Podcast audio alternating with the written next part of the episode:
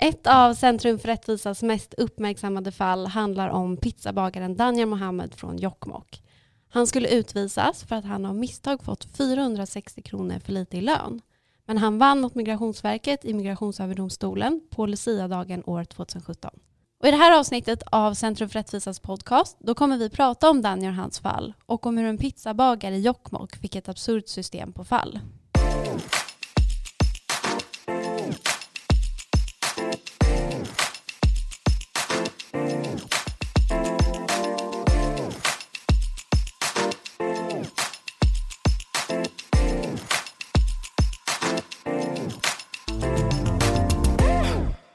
Studion idag har vi mig, Emilia, och Alexander som är precis hemkommen från en konferens i Berlin. Hej Alexander! Hej Emilia! Hur var konferensen? Eh, väldigt intensiv. Eh, det var en konferens då om eh, digitala rättigheter och AI och machine learning och massa spännande grejer. Kommunicerar du bara på så här krypterade eh, medier nu för tiden? Jag blir väldigt- övervakad? Jag har blivit mycket mer medveten om datasäkerhet och, och använder nu bara Signal. Så man måste kommunicera med mig via Signal om man vill få tag på mig. För att ingen ska kunna hacka din telefon? Nej, precis. Vi har ju det här också målet Centrum för rättvisa mot Sverige om FRA-lagen och hemlig övervakning. Så att jag är särskilt eh, uppmärksam kring de här frågorna. Det. Ja, det är väl bra antar jag. Men vi ska ju då prata om eh, Danja Mohammeds fall idag och till vår hjälp så har vi Fredrik Bergman, chef för Centrum för rättvisa som var med när Danjas fall satte igång. Välkommen till studion. Tack så mycket. Hur känns det att vara här? Ja, det känns väldigt bra. Det känns lite nervöst såklart att göra poddpremiär, men det ska bli roligt här. Mm, poddpremiär, härligt. Verkligen. Ehm, Du är ju chef för Centrum för rättvisa och har ju tidigare eh, liksom bakgrund i, i domarvärlden och gått domarbanan. Ehm, Hur, vad skulle du säga, är det, liksom, är, är det en bra erfarenhet att ha gått domarbanan om man sen ska processa? Ja, men det tycker jag. Jag tror att, att gå domarbanan gör inte nödvändigtvis att man blir som en duktig som processadvokat och sådär, men att jag tror att man lär sig väldigt mycket från att ha varit domare i hur domstolarna tänker, hur domare tänker, vilka argument som fungerar och vilka argument som inte fungerar. Så att man, man, kan, man kan lära sig väldigt många bra saker eh, som är, man kan tänka på när man driver process. Och hur kom du i kontakt med Centrum för rättvisa? Jag kom i kontakt med Centrum för rättvisa under studietiden redan. När Centrum för rättvisa hade bildats eh, 2002 eh, så fick upp ögonen för Centrum för rättvisa och jag tyckte det verkade väldigt spännande det här med att man skulle använda juridiken som ett verktyg för att liksom hjälpa enskilda att stärka sina rättigheter mot staten. Och idag ska vi prata om en sån enskild, Danja Mohammed. Eh, när vi pratar om hans fall så brukar vi använda en sån här soundbite, eller vad man ska kalla det. Pizzabagaren som fick ett absurt system på fall. Vad, vad menar vi med den när vi, när vi säger så? Just det där uttrycket kommer från en tidningsrubrik som var någonting i stil med att en pizzabagare fick ett absurt system på fall då, som beskrev vad som hände i Danjars fall. Och, eh, jag tycker att det här fallet illustrerar väldigt väl hur vi arbetar på Centrum för rättvisa. Att det handlar om David mot Goliat, alltså den lilles kamp mot systemet. Att Danja Mohammed, han drev ju sitt fall i syfte att utmana Migrationsverkets kompetensutvisningar i syfte liksom att få till stånd en ändring, en förbättring, en, en mer rättssäker prövning och det lyckades han med. Det här problemet handlar ju då om kompetensutvisningar eh, och att människor utvisas på grund av små misstag. Vi ska prata mer om det lite senare. Men hur kommer det sig att Centrum för rättvisa ens började engagera sig i den här frågan från början? Ja, det, vi upp, det uppmärksammades lite då och då sådana här fall i media som alltså då handlade om att personer som hade arbetstillstånd i Sverige skulle utvisas på grund av att deras arbetsgivare hade gjort ett misstag. Och vi tyckte att det var liksom väldigt märkligt att man kunde bli utvisad på den grunden. Så att vi ville titta närmare på den frågan. Så ni hade liksom hört om det här i media och eh, vad gör man då? Vad blir steg ett på Centrum för rättvisa när man har läst lite tidningsartiklar? I det här fallet så ville vi liksom titta på eh, hur det såg ut i verkligheten. Så att vi bestämde oss för att göra liksom en empirisk undersökning. Så att Johannes Forsberg som var sommarnotarie på Centrum för rättvisa 2016 fick i uppdrag att eh, begära ut massvis med beslut från Migrationsverket och migrationsdomstolarna för att se hur det såg ut i praktiken. Var det här ett problem eller inte? Johannes har berättat för mig att han eh, samlade alla de här besluten, det var ju tusentals beslut om jag har Mm. förstått rätt, eh, i plastbackar. Och sen så började han läsa då de här besluten. Och när han hade tagit sig igenom de här, vad visade hans granskning? Vad blev slutsatsen av den? Det var massa spännande saker som kom fram, men det, det första som, som kom fram var att det var inte några som enstaka fall där arbetstagare utvisades på grund av arbetsgivares mindre misstag, utan det var väldigt många som drabbades, som hundratals Mm. människor som vi såg som skulle utvisas. Så det var det ena. Det andra som vi såg var att det här berodde på inte på lagen i sig, de här hårda utvisningsbesluten, utan på hur Migrationsverket hade valt att tolka lagen. Och det saknades vägledande avgöranden från Migrationsöverdomstolen. Men vad var egentligen problemet med det här? Vad ledde det till för problem? Alltså det vi såg som ett problem, det var ju när människor utvisades på grund av misstag som deras arbetsgivare hade gjort. Det ansåg vi som var fullständigt som en rättsosäker tillämpning av regelverket. Och regelverket då, vad, vad bestod det i om man ska säga något kort om kraven för att komma till Sverige och, och få arbetstillstånd? Det är i huvudsak två krav som ska vara uppfyllda för att man som utlänning ska få arbetstillstånd i Sverige. Det första kravet kallas försörjningskravet och det är då att man ska ha en anställning i Sverige som man kan försörja sig på. Och det har man i praxis sagt då att man måste tjäna minst 13 000 kronor i månaden och det är som det grundläggande kravet för arbetstillstånd. Sen finns det ett krav till och det är att ens anställningsvillkor ska vara förenliga med svenska kollektivavtal. Så att det är som två villkor, försörjningskrav och krav på kollektivavtalsenliga villkor. Okej, okay. och hur kommer det sig att reglerna är utformade på, det, på just det sättet? Försörjningskravet handlar om att människor inte ska utnyttjas, att man inte ska komma till Sverige och få en lön som man inte kan försörja sig på och det är väldigt viktigt. Eh, men, och det, det, kravet tar då i huvudsak sikte på liksom individen. Och sen det andra kravet på kollektivavtalsenliga villkor, det handlar om att skydda arbetsmarknaden som sådan, att man inte ska då, arbetsgivare ska ägna sig åt lönedumpning. Så att det kravet har liksom lite ett annat skyddsändamål.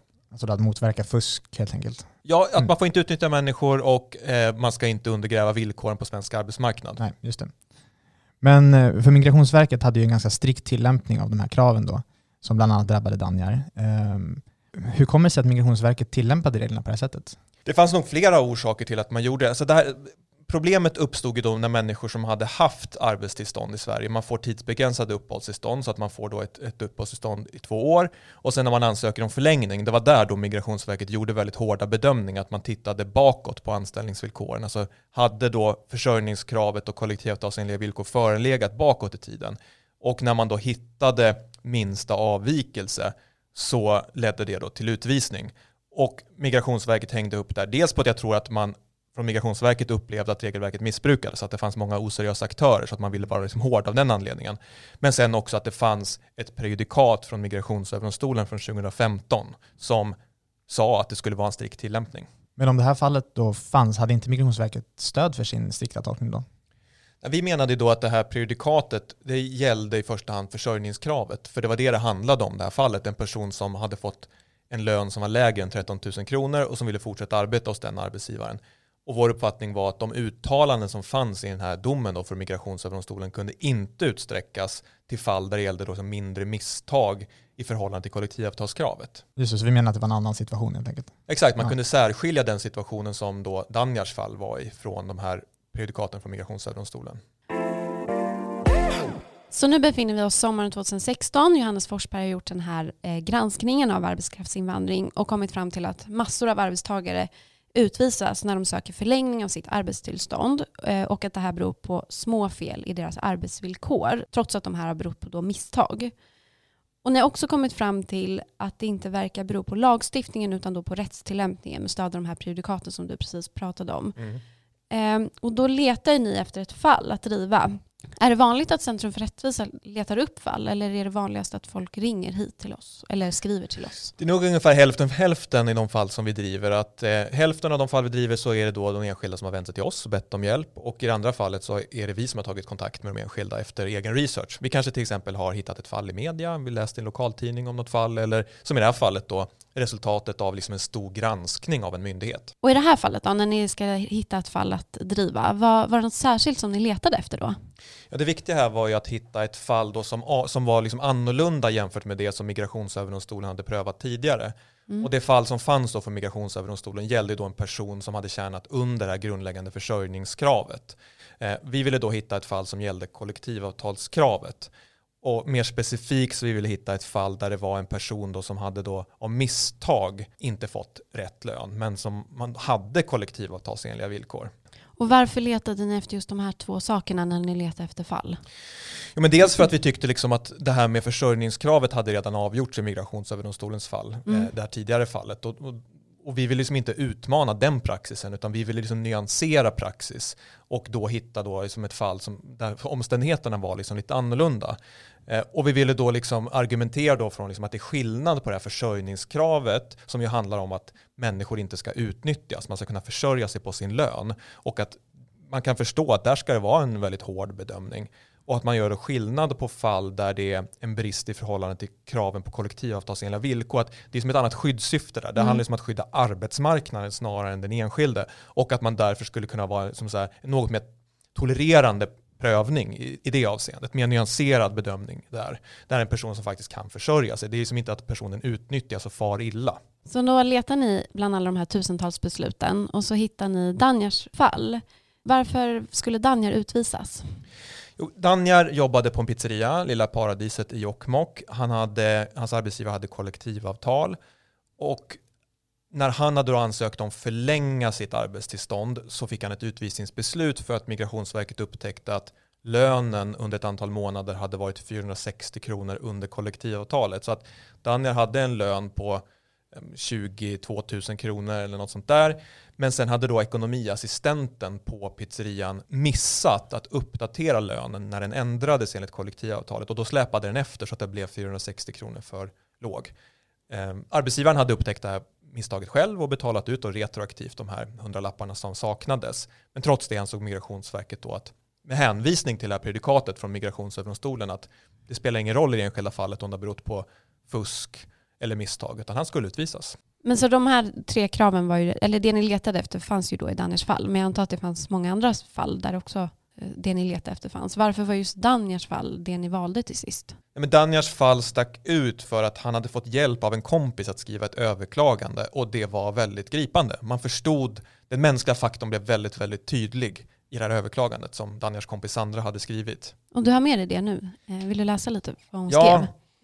Alltså hon skrev hon hjälpte alltså Daniel och Sandra att överklaga eh, det här beslutet från Migrationsverket till Migrationsdomstolen.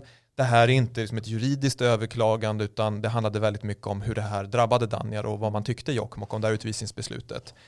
Och jag kan läsa några rader som, som vi tyckte liksom var, som stack ut här. Att, så här skriver Sandra då att alla förstår att regler är till för att följas, men den mänskliga faktorn måste tas i åtanke. Här handlar det ju inte om att någon har försökt göra fel eller på något sätt lämna vilseledande uppgifter. I det här fallet handlar det om en ekonomiassistent som har gjort fel och det vill ekonomiavdelningen ta ansvar för. Men mer än någonting vill de och vi göra rätt och vi strävar efter att följa de lagar och regler som finns i Sverige och Migrationsverket. Och vårt samhälle i Jokkmokk är i chock över det här beslutet att utvisa en sån fin människa på grund av ett oavsiktligt fel vi hoppas för vår och samhällets bästa att ni finner en bättre lösning på det här. Och det här är viktigt både för Danjar och för andra som kommer bli eller är i samma situation som honom. Eh, så att vi, det, det här fallet stack ut i högarna. Det var liksom on point verkligen. att Ska man verkligen utvisa en person på grund av ett misstag när man har försökt att göra rätt? Är det rättssäkert? Sandra eh, skriver under det här överklagandet med Sandra, ombud för Danjar. Hur kom, och hon är ju inte jurist som du sa. Hur, varför hade inte Danja någon advokat eller något ombud? Men en, jag tror att en annan grej som gjorde att det här problemet kunde fortgå under så lång tid var att de här arbetskraftsinvandrarna som fick utvisningsbeslut, de fick inte några rättsliga biträden. Och det som är intressant där då är att huvudregeln när en person får ett utvisningsbeslut av Migrationsverket är att man ska få ett rättsligt biträde som ska hjälpa en med ett överklagande. Men här finns ett undantag i lagen som säger att man behöver inte ge en utvisad person en advokat om ärendet är enkelt. Och det, var, det tyckte man att det var i de här fallen? Eller? Ja, Migrationsverket tyckte att de ärendena var enkla.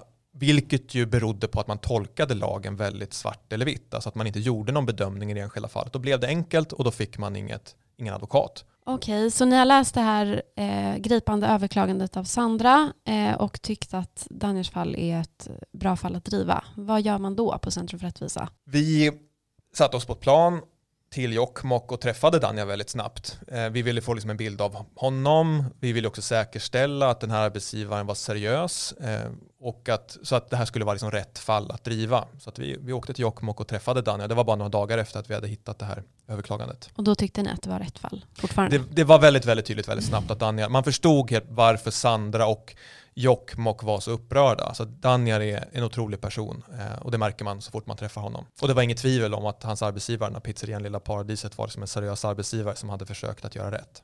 Är det viktigt att klienten är liksom en bra klient på det sättet? Alltså att det är en person som kan prata för sig och sådär? Det, det viktiga när vi ska välja ut ett fall som ska bli prejudikat, det är som att fallet är väldigt tydligt. Mm. Att fallet väldigt tydligt illustrerar principfrågorna. Så det är det som är det viktigaste. Och Danjars fall illustrerar ju väldigt tydligt vad det här handlar om. Här är en person som arbetar och gör rätt för sig, betalar skatt, arbetsgivaren har kollektivavtal och så gör man ett misstag och sen så menar Migrationsverket att man inte kan ha överseende med det. Det är en rättsosäker rättstillämpning, man kan inte ha det på det sättet och det här fallet illustrerar det väldigt tydligt. Okej, ja, men då bestämmer vi oss för att engagera oss i, i Danners fall och eh, kompletterar eh, Sandras överklagande med juridisk argumentation då, eh, till Migrationsdomstolen. Och den domen kom ju 25 november 2016. Eh, hur gick det där? där? Ja, i Migrationsdomstolen blev det förlust.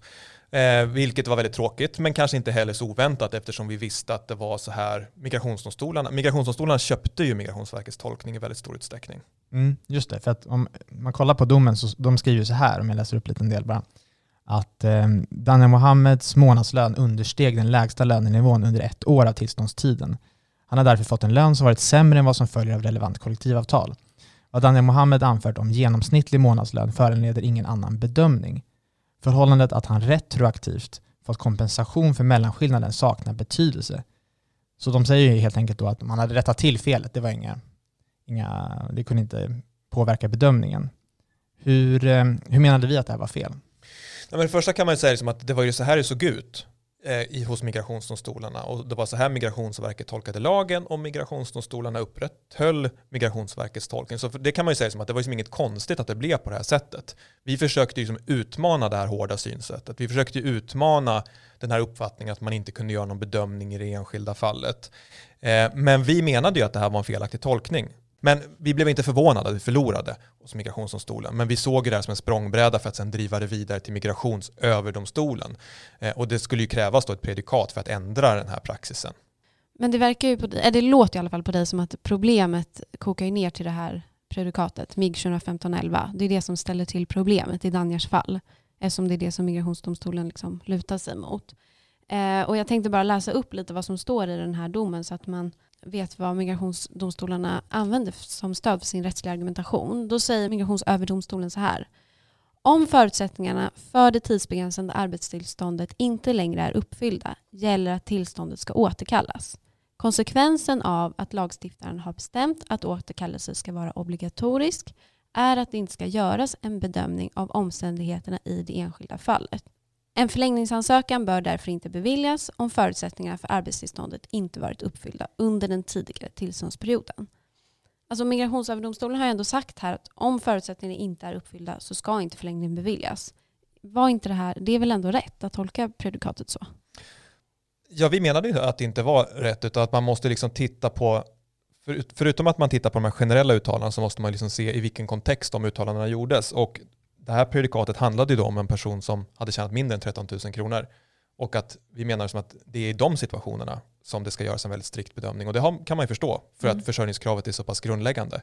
Men att man kan inte översätta det här prejudikatet till att det gäller nödvändigtvis situationen om att man har fått för lite lön i förhållande till kollektivavtalet. Så det omständigheterna i Danjers fall menade ni alltså var annorlunda än, i de här, än vad som var fallet i det här prejudikatet? Exakt.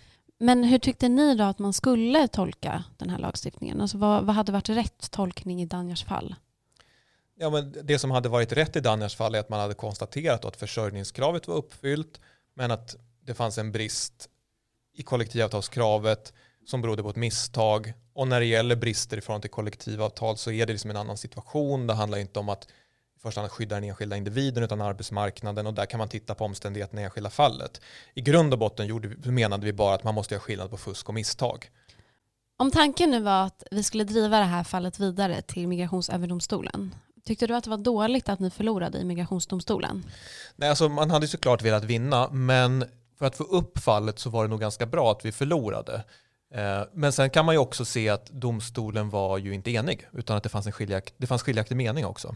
Just det, två nämndemän tyckte att den inte skulle utvisas. Exakt. Och det illustrerade hela det vi menade, liksom att lagen måste inte tolkas så här strikt att varje brist måste leda till utvisning, utan att två av nämndemännen i den här domstolen menade ju att man kunde göra en mer nyanserad helhetsbedömning och att man skulle ta hänsyn till om arbetsgivaren framstod som seriös eller inte. Alltså att man skulle göra skillnad på fusk och misstag. Och det var exakt så vi hade argumenterat. Så ni hade då en oenig domstol i migrationsdomstolen och det var kanske ett bra läge då för prejudikatinstansen? Ja, men det blev väldigt tydligt då, liksom att vi förlorade så att vi hade någonting att överklaga, men också att liksom redan i domen som vi skulle överklaga så var det tydligt att domstolen var oenig eh, och att det illustrerade då att lagen inte måste tolkas så här strikt utan den kan faktiskt tolkas mer nyanserat. Vi befinner oss nu i början av 2017 och vi har precis lämnat in ett överklagande till Migrationsöverdomstolen för att få Daniels beslut upphävt. Och eh, vid den här tidpunkten så har ju samhällsdebatten tagit fart ordentligt eh, och ämnet kompetensutvisningar debatteras flitigt. Eh, Kalla fakta har gjort ett program där de har avslöjat hur omfattande de här problemen med kompetensutvisningarna är. Och det finns ett stort antal tidningar som har rapporterat om det här. Ett antal exempel på rubriker är “De ska prisas, inte utvisas” Kompetensutvisningarna ställer till det rejält. Topprogrammerare riskerar utvisning efter försäkringsmiss. Ingen bryr sig. Bagateller ska inte leda till utvisning. Så det är ju tydligt att det finns en rätt stor enighet här i debatten om att det här är ett problem. Hur kommer det sig att vi plötsligt hamnade i det här läget med den här eh, enade fronten kan man väl säga kanske? Men det som var intressant att se var att när de här utvisningarna började dyka upp så var det liksom egentligen ingen som något, liksom, det, det, blev inte så mycket diskussion kring det, utan det blev diskussion först när det kom fram i Kalla fakta att det var programmerare som drabbades av det här problemet. Att det inte bara var pizzabagare utan också programmerare som utvisades. Och det var då politikerna började inse att det här kan ju bli så dåligt för, för Sveriges ekonomi. Vi har liksom massa it-företag som behöver programmerare, så blir de utvisade. Mm. Men var det tanken att Center för rättvisa skulle driva en viss linje i den här frågan egentligen? Alltså har Center för rättvisa någon uppfattning om hur själva reglerna kring arbetskraftsinvandring är uppbyggda? För det var en del av, stor del av debatten också. Alltså debatten handlade ju väldigt mycket om att det var liksom konstigt att, mm. att man kunde utvisas på grund av arbetsgivarens misstag. Mm. Och så ser lagen ut. Och det har ju inte Centrum för att visa någon synpunkt på, utan att vi drev ju det här för att det var ett rättssäkerhetsproblem att enskilda kunde utvisas trots att fel då berodde på misstag från arbetsgivarens sida. Så att vi hade liksom ingen uppfattning om hur regelverket skulle liksom vara utformat. Det är ju en politisk fråga. Mm. Men om man går tillbaka till frågan om alltså hur vi fick upp fallet eller hur, eh, ja, hur vi argumenterade för att få prövningstillstånd. Eh, det var ju massor med enskilda som redan hade klagat till Migrationsöverdomstolen utan att få prövningstillstånd. Hur la vi upp strategin för att få lyckas med det? Det första är ju då liksom att vi måste kunna visa att det här fallet inte har prövats tidigare, så att det här är en annan typsituation och det gjorde vi då. Liksom vi sa att det här handlar om kollektivavtalskravet och det här prejudikatet som finns gäller försörjningskravet. Sen en annan grej som jag tror var väldigt viktig, det var ju att i den här granskningen som Johannes Forsberg hade gjort så kunde vi liksom se då att det fanns liksom exempel på domstolar där man faktiskt hade gått emot Migrationsverket och att man har gjort precis som de här skiljaktiga nämndemännen i Danjars fall faktiskt gjort en nyanserad helhetsbedömning och gjort skillnad på försörjningskravet och kollektivavtalskravet och sagt att man måste göra skillnad på fusk och misstag. Så att det, det, vi kunde då argumentera för att det behövs ett prejudikat för att den här frågan om kollektivavtalskravet har inte prövats och vi kan också se här på ett antal exempel från migrationsdomstolen att lagen tolkas olika och därför behövs det vägledning. Så det var vårt huvudsakliga argument att det behövs ett prejudikat. Det är många som drabbas och lagen tolkas lite olika. Mm. Och det visade sig vara en, en bra strategi eftersom att, vi med, eller eftersom att Migrationsöverdomstolen beviljade prövningstillstånd sen. Och då skrev ju Breakit eh, om det här och skrev då att så kan en pizzabagare från Jokkmokk avgöra techbolagens krisfråga. Mm. Och då beskrevs ju Danners fall som en nyckelprocess för utvisade programmerare. Det var mycket som hängde då på domen i Danners fall. Mm. Men med, liksom med det i åtanke, hur kändes det att få prövningstillstånd Ja, det var ju fantastiskt såklart att, att det blev prövningstillstånd i det här fallet. Att kunna ringa Danjar efter den här förlusten i migrationsdomstolen och säga att nu ska ditt fall prövas, det var ju såklart jättespännande och det var kul att det var så mycket uppmärksamhet kring det här. Just att, precis som du säger då, att man från it-branschen såg det liksom som att den här pizzabagaren från Jokkmokk skulle kunna bli deras räddning och att deras programmerare då från massa svenska it-företag skulle slippa utvisning. Så mm. det var jättespännande men också en enorm press såklart att allt skulle hänga på det här fallet. Vad tyckte Danjar om att allt skulle hänga på det här fallet? Ja, han tyckte, alltså Danjar tyckte att det var väldigt spännande och han hoppades ju såklart att hans fall skulle leda till ett prejudikat som skulle både komma honom till del men en massa andra människor också. Och vad hände sen då efter att Migrationsöverdomstolen hade meddelat prövningstillstånd? Ja, när ett mål avgörs i Migrationsöverdomstolen så är det liksom inte någon förhandling i domstolen utan målet avgörs på handlingarna och man vet inte när det kommer ett avgörande. Man har ju liksom inget datum att förhålla sig till så att man lever ju som i ovisshet. Så att människor som går och väntar på ett beslut i en fråga om utvisning, det är klart att det är väldigt påfrestande och det var det för Daniel också, inte kunna planera sin framtid. Jag tänker att vi kan spola fram till den här dagen, 13 december 2017. Kan du berätta vad som hände då? Det var Lucia, vi höll på att säga, avrunda här på Centrum för rättvisa för, för julen och vi skulle gå och käka julbord och sen så dimper det här avgörandet ner. Och, då får, och det fick man då liksom på e-post. Och man ser då att man har fått e-post från Migrationsöverdomstolen och att det finns en dom som bilaga till e-postmeddelandet. Var det nervöst att öppna det? Extremt nervöst. Alltså man, man sitter ju och tittar där på inkorgen och det ligger domen där och väntar på att man ska öppna den. Då har man hög puls. Otroligt hög puls. Men eh, så öppnar ni det här e-postmeddelandet Ja. eh, och så läser ni domen, scrollar ner långsamt. Vad, Ja, man, ser på, man ser på första sidan vad utgången är och då såg vi där att Migrationsöverdomstolen ändrar Migrationsverkets beslut och beviljar Danja då ett nytt uppehållstillstånd. Hur kändes det? Overkligt. Mm. Det, det var en fantastisk känsla. Ehm, Och då ringde ni kanske till Danjar? Ja, det var såklart det första vi gjorde då, att vi, att vi ringde honom. Och han eh, jobbade på pizzerian när vi ringde honom. Vad sa han? Han sa ingenting, han blev helt tyst. Han helt tyst i telefonen? Ja, det blev helt tyst, så vi trodde att det kanske hade brutits, men eh, han sa, jag får ringa upp. Och han blev ringde, så berörd? Ja, han, ja, vi visste inte vad det var för någonting. Men sen ringde han tillbaka efter några minuter och eh, han var så glad Mm, och lättad över det här. det kan man förstå. Eh, det var ett fantastiskt besked att kunna ge honom på Lucia-dagen 2017 att han hade vunnit. Och samma kväll så samlas det väldigt mycket folk då på pizzeria Lilla Paradiset i Jokkmokk. Eh, och även TV4 var där tror jag och intervjuade Danjar. Ja, en stor TV4 sände live från Jokkmokk när det här beslutet kom, eh, Ja. vilket var lite speciellt. Ja, det var häftigt. Det visar ju lite hur, hur stor den här frågan var vid den Mm. här tiden. Eh, men eh, Migrationsöverdomstolen då, de skriver i sin dom så här. Bestämmelsens utformning medför enligt Migrationsöverdomstolen att det måste göras en helhetsbedömning av samtliga anställningsvillkor i det enskilda fallet. Om anställningsvillkoren vid en sådan bedömning inte kan anses sämre än vad som gäller för motsvarande arbetstagare bosatta i Sverige bör villkoren kunna godtas. Det här blev ju som ni hade tänkt er. Det blev, man ska göra en helhetsbedömning av eh, arbetsvillkoren. Är det så man ska tolka Migrationsöverdomstolens dom? Ja men exakt, de höll ju med om att det här predikatet från 2015 bara gällde försörjningskravet och att i den situationen så ska göras en strikt bedömning men att den här andra situationen då med en avvikelse från kollektivavtalskravet, där ska man göra en, en helhetsbedömning. Och det som var så intressant då var ju att Migrationsöverdomstolen betonade att det följer av gällande lag att det ska göras en helhetsbedömning. Och det var ju då på tvärs med vad Migrationsverket hävdade, för de, deras uppfattning var ju att det var lagen som krävde en sån här hård bedömning. Men det sa ju alltså Migrationsöverdomstolen var fel. Och eh, vi har ju beskrivit det här problemet med att arbetstagare då tidigare utvisades på grund av bagatellartade misstag. Följer det nu av, av det här som nu har börjat kallas för Lucia-domarna? Att bagatellartade misstag inte automatiskt ska leda till utvisningar? Är det så man ska tolka domen? Ja, vad domen säger är ju att det ska göras en helhetsbedömning av anställningsvillkoren. Och vad ska säga, poängen med det här avgörandet är ju att Migrationsöverdomstolen instruerar Migrationsverket och Migrationsdomstolen att de måste göra skillnad på fusk och misstag. Mm. Alltså helhetsbedömningen handlar ju om att man ska titta på, har det varit en brist? Ja, men vad har den berott på? Har arbetsgivaren korrigerat det hela? Och är det på det stora hela okej så ska man inte utvisas. Men det är precis som du säger, det är ju framförallt när det gäller mindre misstag som det här predikatet slår till. Så att det är inte så att man får stanna i Sverige om man har en oseriös arbetsgivare bara för att det ska göras en helhetsbedömning. Nej.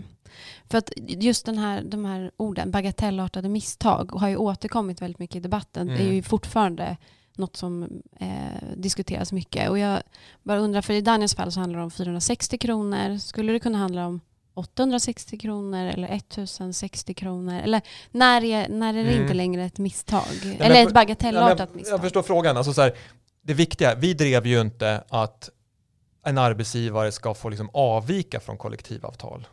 Det var Mm. inte det det här handlade om, utan Daniels arbetsgivare hade kollektivavtal och Daniel hade rätt till kollektivavtalsenlig lön. Och att avvikelsen berodde på ett misstag, det är det som är avgörande. Så det handlar inte om att en helhetsbedömning ska kunna godta att en arbetsgivare lägger sig under kollektivavtal. Det får man ju inte göra, utan där handlar det liksom om misstaget. Så det går inte att säga liksom hur, hur, liksom, hur många kronor som kan vara godtagbart, men att det är ju kan säga, enklare att bevisa att en mindre avvikelse berodde på ett misstag än att en person liksom till exempel har en jättedålig lön och säger oj det var ett misstag att han fick en dålig lön. Mm. Då blir det svårt att bevisa det för, för arbetstagaren. Ja, framförallt om det har varit, står i anställningsavtalet att man ska ha haft en annan lön, eller fel lön. Ja men exakt, alltså, de här villkoren som finns för arbetsstånd, de är ju viktiga. Alltså Ja. att man ska kunna försörja sig så att man inte kan bli utnyttjad och villkoren på arbetsmarknaden ska bevaras. Så ska det ju vara. Och att är det så att arbetsgivare fuskar och arbetstagare försöker arbeta med för låg lön, då får man inte stanna i Sverige. Då kan inte en helhetsbedömning läka det, utan här handlar det ju bara om att Migrationsöverdomstolen tyckte att praxis hade blivit alldeles för fyrkantig Mm. och att eh, man måste göra skillnad på fusk och misstag. Och den här domen, Lucia-domen, vad har den fått för, för konsekvenser för rättstillämpningen? Vad har den lett till? Ja, för det första så ledde det till att Danja slapp utvisning så att han kunde få vara kvar i Jokkmokk eh, och han har i dagarna beviljats permanent uppehållstillstånd i Sverige så att han är ju det. väldigt, väldigt glad över det. Men domen har fått väldigt stor betydelse. Den har ju blivit vägledande. Den har gjort att Migrationsverket fick lägga om sin praxis och sluta tolka regelverket så här strikt. Eh, Och Johannes Forsberg gjorde som en uppföljande granskning ett halvår efter eh, Lucia-domen och där man då kunde se att de här, de här fallen då som vi tyckte var rätt så säkra, nämligen att man då att man kunde utvisas då på grund av små misstag, de har i praktiken upphört. Mhm. Så att det är fortfarande så att människor som utvisas på grund av att arbetsgivaren inte följer villkoren, men just de här extremfallen, de har i praktiken upphört. Så att det är ju väldigt, väldigt roligt att se det. Så pizzabagaren Danjar Mohammed från Jokkmokk fick ett absurt system på fall. Kan man säga det? Ja, jag tycker det. Det är ju Ja. häftigt. Men ni menade ju också att det inte bara var Migrationsverket som fick ansvara för det här problemet utan också att det var ett problem med att migrationsdomstolarna inte hade varit tillräckligt självständiga. Eh, du och eh, Johannes Forsberg skrev ju en eh, debattartikel i Svenska Dagbladet om det som heter Osjälvständiga domstolar banade väg för utvisningar. Och det gillade inte migrationsdomstolarna. Lagmännen från tre av fyra migrationsdomstolar skrev ju då en, ett svar på det där ni anklagades för att ha dålig förståelse för hur rättssystemet fungerar. För de menade ju bara att de har ju bara följt det predikat som fanns från migrations Överdomstolen, de skriver då att att påstå att ny praxis från överinstans som rätteligen tillämpas av underinstans är ett bevis för tidigare felaktig och osjälvständig rättstillämpning är att inte ha förståelse för det rättssystem som domstolarna ingår i. Är det inte konstigt då att påstå att migrationsdomstolarna gjorde fel innan det här nya predikatet kom? Alltså Migrationsöverdomstolen säger ju då i Danjars fall, Lucia-domen, att gällande, alltså som lagen är skriven så ska göras en helhetsbedömning och det hade ju inte migrationsdomstolarna gjort. Sen för, har man, kan man ha förståelse för att migrationsdomstolarna tyckte att de följde praxis och att migrationsdomstolarna tycker att migrationsöverdomstolen ändrade sin praxis genom Danners fall. Men så, är det, så fungerar ju inte juridiken utan att när en domstol i högsta instans tolkar lagen då säger ju då domstolen vad lagen alltid har inneburit. Så att migrationsöverdomstolen var ju väldigt tydlig med att de ändrade ju inte sin praxis utan de klargjorde vad som redan idag gällde. Och det var det som vi gjorde och tyckte att det borde migrationsdomstolarna upptäckt mycket tidigare. Och det var ju vissa domare hade ju gjort det tidigare som du sa. Det var ju några som hade gått emot den här, det här MIG 2015-11. Ja, så- visst. Alltså det fanns ju då ganska många exempel på fall där då migrationsdomstolar hade tolkat det här prejudikatet på exakt samma sätt som, som vi gjorde och som, som blev sen då det nya prejudikatet från, i Lucia-domen. Mm. Men fortfarande idag så pratas det ju ganska ofta om det här begreppet kompetensutvisningar och problemen kring det och sådär. Eh, jag tror att det är till och med en punkt i det här januariavtalet om att man ska lösa problemet med kompetensutvisningar, står det. Vad skulle du säga är de kvarstående problemen? Alltså jag tror att det kan vara bra att man, att man ser över regelverket. Mer än Lucia-domen i Danjars fall så har ju Migrationsverket fått väldigt tydliga instruktioner om hur man ska liksom tolka befintlig lagstiftning. Men jag tror att man har sett att det fortfarande finns liksom problem. Det är fortfarande personer som utvisas i situationer där man kanske inte tycker att de borde det, men där är faktiskt det lagen som i så fall måste ändras. Så att man kommer behöva se över det här regelverket om arbetskraftsinvandring. Och hur tror du att det kommer falla ut, den här debatten? Det är ganska spännande. Det är ju en politisk fråga, så det har ju inte Centrum för rättvisa någon synpunkt på. Men vad jag tror man kan se är att säga, samhällsdebatten har ju förändrats väldigt mycket under den här tiden som vi har drivit det här fallet. Att man inledningsvis var liksom ganska positiv till det här med arbetskraftsinvandring. Sen har vi haft flyktingkrisen. vi går nog åt en politik där vi kommer få se en mycket hårdare linje. Jag tror att arbets, det här systemet som vi har för arbetskraftsinvandring kommer nog att snävas in rejält och att jag tror att politikerna kommer nog bara kunna komma överens om att underlätta för arbetskraftsinvandring för hög, alltså personer med hög utbildning och jag tror att det kommer bli svårare att arbetskraftsinvandra till Sverige i, arbeten som är eh, mindre kvalificerade. Jag har själv reflekterat över att jag tycker att den här debatten, det känns som att det är en ganska kontroversiell fråga ändå. Mm. Vad tror du att det beror på? Men det skär in i så grundläggande politiska frågor i Sverige om, om invandring, integration och villkor på arbetsmarknaden och ett liberalt perspektiv mot ett mer protektionistiskt. Mm. Eh, och att man ser en risk med att utländsk arbetskraft underminerar villkor på arbetsmarknaden och kollektivavtalen och att vi är väldigt måna om, vårt, om den svenska modellen. Men även om eh, det här problemet då, som kvarstår kanske främst beror då på lagstiftningen i sig och att mm. den kanske kommer ändras så verkar det, det finns ju vissa problem som kvarstår med rättstillämpningen. Vi har, vi driver ju, eller har ju precis drivit två fall som rör just rättstillämpningen. Kan du berätta någonting om dem? Ja, men det ena problemet som vi har sett är att den här, liksom så här, hårda linjen som Migrationsverket har drivit, den har liksom smittat av sig på andra typer av uppehållstillstånd också. Okay. Det här har gällt arbetstillstånd, men vi har drivit ett, precis ett fall med, eh, som handlar om eh, uppehållstillstånd på grund av studier. En doktorand på Karolinska institutet som heter Mohammed Irfan som Migrationsverket ville utvisa för att de tyckte att han hade gjort för stor del av sina forskningsframsteg i USA. Och då menade Migrationsverket att då skulle man utvisas. Ah, okay. Och hur gick det i Migrationsöverdomstolen? Eh, vi vann det fallet och det blev liksom samma resultat där egentligen som i Danjars fall, att Migrationsöverdomstolen sa att man måste tolka bestämmelserna på ett mer nyanserat sätt och beakta krav på proportionalitet och att det framstår som väldigt konstigt att man ska utvisa en person för att man har varit för framgångsrik i sin forskning. Mm. Och sen har vi det här fallet med ABB-ingenjören Ali Omumi som är en pågående process. Här. Exakt, det är en pågående process där vi precis har stämt staten egentligen. Och det handlar då om frågan om vilket ansvar staten har för de här felaktiga utvisningarna som faktiskt har pågått under ett antal år. Personer då som utvisas i Sverige trots att de inte borde ha utvisats. Eh, I det här fallet då den här ABB-ingenjören, han utvisades för att hans förrförra arbetsgivare hade tecknat fel försäkring. Det är väldigt tydligt mm. felaktigt utvisningsbeslut som innebär då att han utvisas ur Sverige tillsammans med sin familj och förlorar massa pengar. Han kan inte arbeta under lång tid. Det fallet handlar väl lite grann om, om statens ansvar och det rättsliga efterspelet efter de här kompetensutvisningarna. Så det ska bli otroligt spännande att följa det fallet. Verkligen. Och vi kommer gräva djupare i de här fallen i nästa podd där vi ska intervjua ombuden i de här två fallen. Eh, Alexandra Lloyd och eh, Rickard Samuelsson kommer hit i nästa avsnitt. Det var alltså historien om pizzabagaren Danja Mohammed från Jokkmokk som utmanade Migrationsverkets kompetensutvisningar och fick ett absurt system på fall. Danja arbetar fortfarande på pizzeria Lilla Paradiset i Jokkmokk och i dagarna så beviljades han permanent uppehållstillstånd. Och vi tänkte därför att Danja får avsluta podden och berätta om hur det här känns och om hans planer för framtiden. Tack så jättemycket för att du har lyssnat.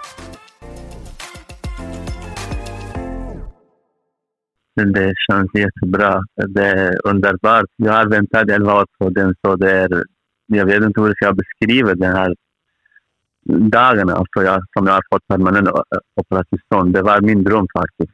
Jag lever min dröm just nu och jag ska söka till medborgarskap så småningom och då jag ska njuta av livet. Jag tänkte att starta egen restaurang eller pizzeria. Det är min plan faktiskt, att bli restaurangägare någon dag. Men jag hoppas så småningom att jag, jag kan göra det.